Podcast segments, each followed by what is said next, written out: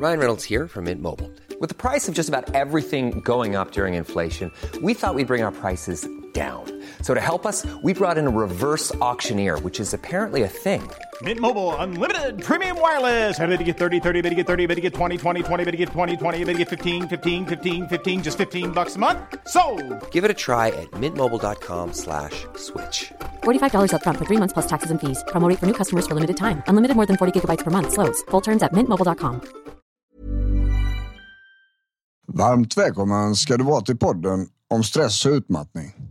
Björn Rudman heter jag och här pratar vi brett och vitt, högt och lågt om stressrelaterad ohälsa. Både psykiskt, fysiskt och socialt. Här får du kunskap och tips på hur du kan förbättra just din situation och, och ibland också strategier för att komma framåt.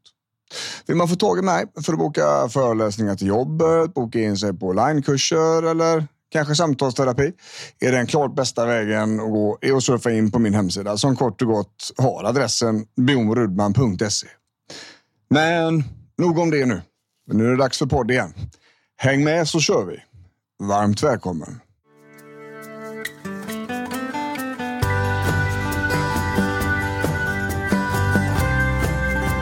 Hallå vänner. Då var det dags för lite podd igen och idag ska vi prata om katastroftankar. Och det där är någonting som många, många kan känna igen sig i vet jag.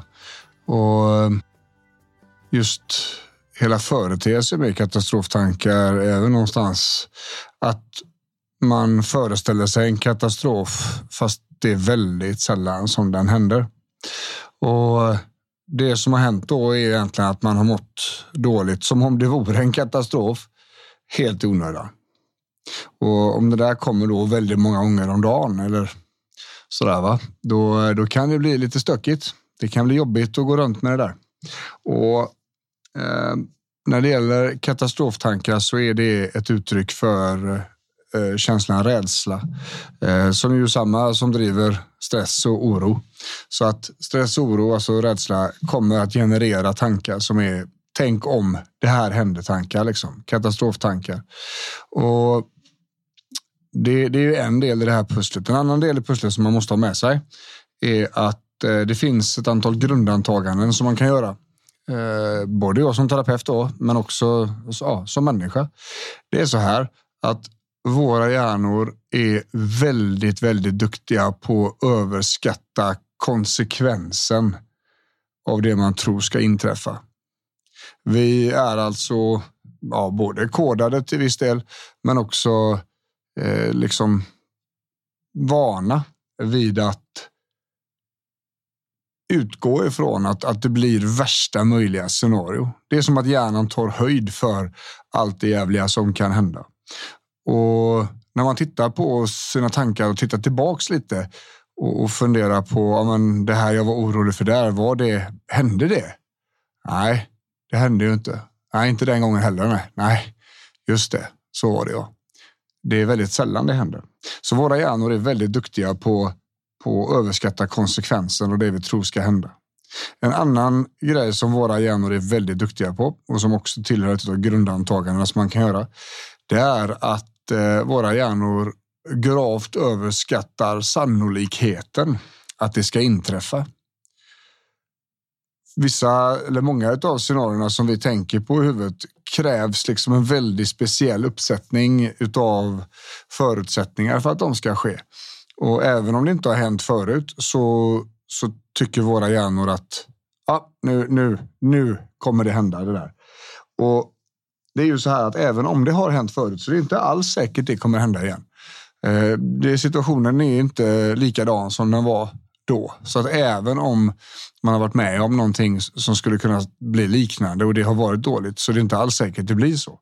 Så våra hjärnor är jätteduktiga på att överskatta konsekvenserna utav det vi tror ska hända och sannolikheten att det ska inträffa. Och så här funkar det liksom hos, hos de allra flesta människor. Och, och det gör ju då tillsammans med en stresssituation, tillsammans med en trötthet, så, så är det väldigt en väldigt vanlig situation att de här typerna av orostankar, katastroftankar tar alldeles för mycket plats.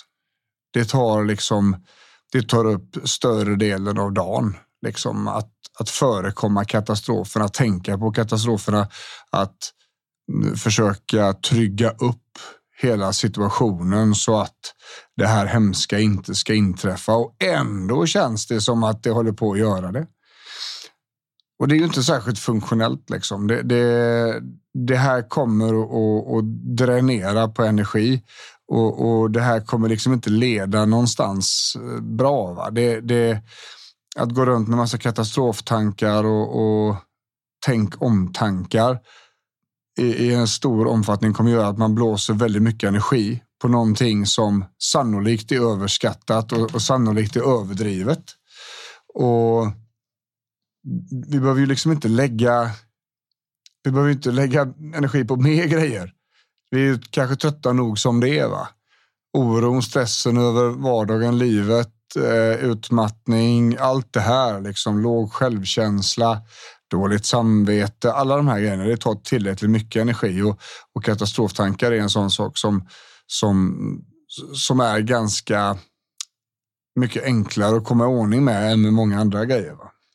Och ett trix där, förutom det trixet ni redan fått lära er nu, det vill säga utgå ifrån att hjärnan överdriver både sannolikheten att det ska inträffa och vad det är som ska inträffa. Så är det ju så här att, att en, eh, en katastroftanke, en, en, en orostanke är ju egentligen bara en vision om någonting man tror ska hända. Det har ju inte inträffat ännu. Kommer du ihåg det? Rädsla var ju liksom för att, för att skydda oss ifrån hot. Va? Och det har ju inte inträffat ännu, utan hela känslan beror ju liksom på att nu måste vi få hjälp att förekomma hotet. Det har alltså inte inträffat.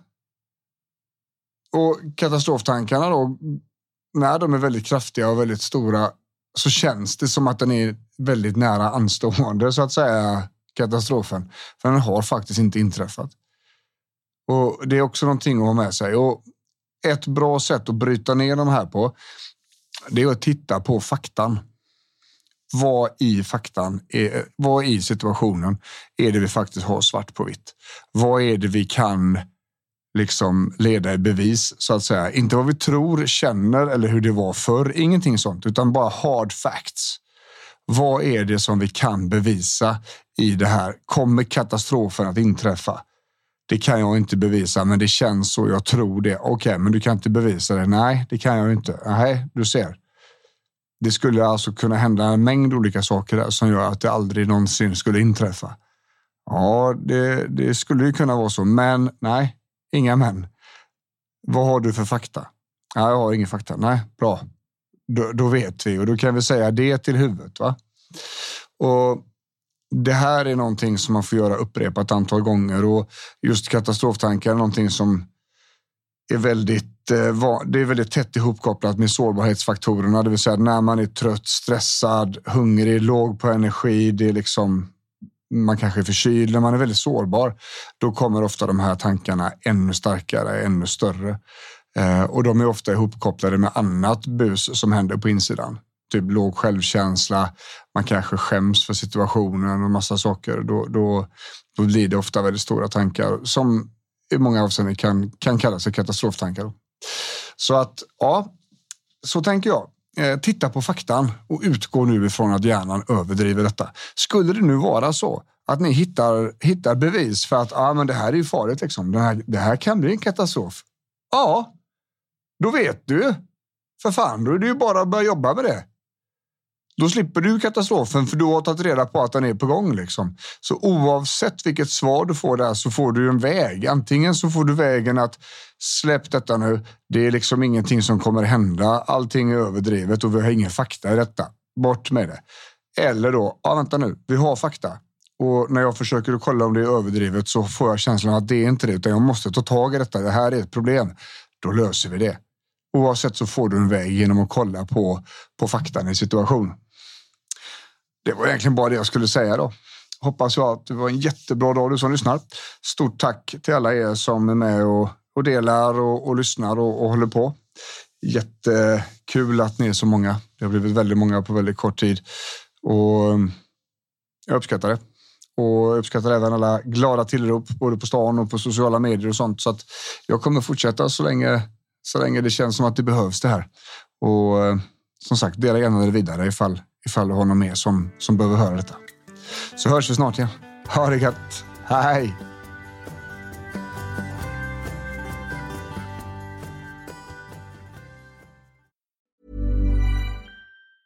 Ever catch yourself eating the same flavorless dinner three days in a row?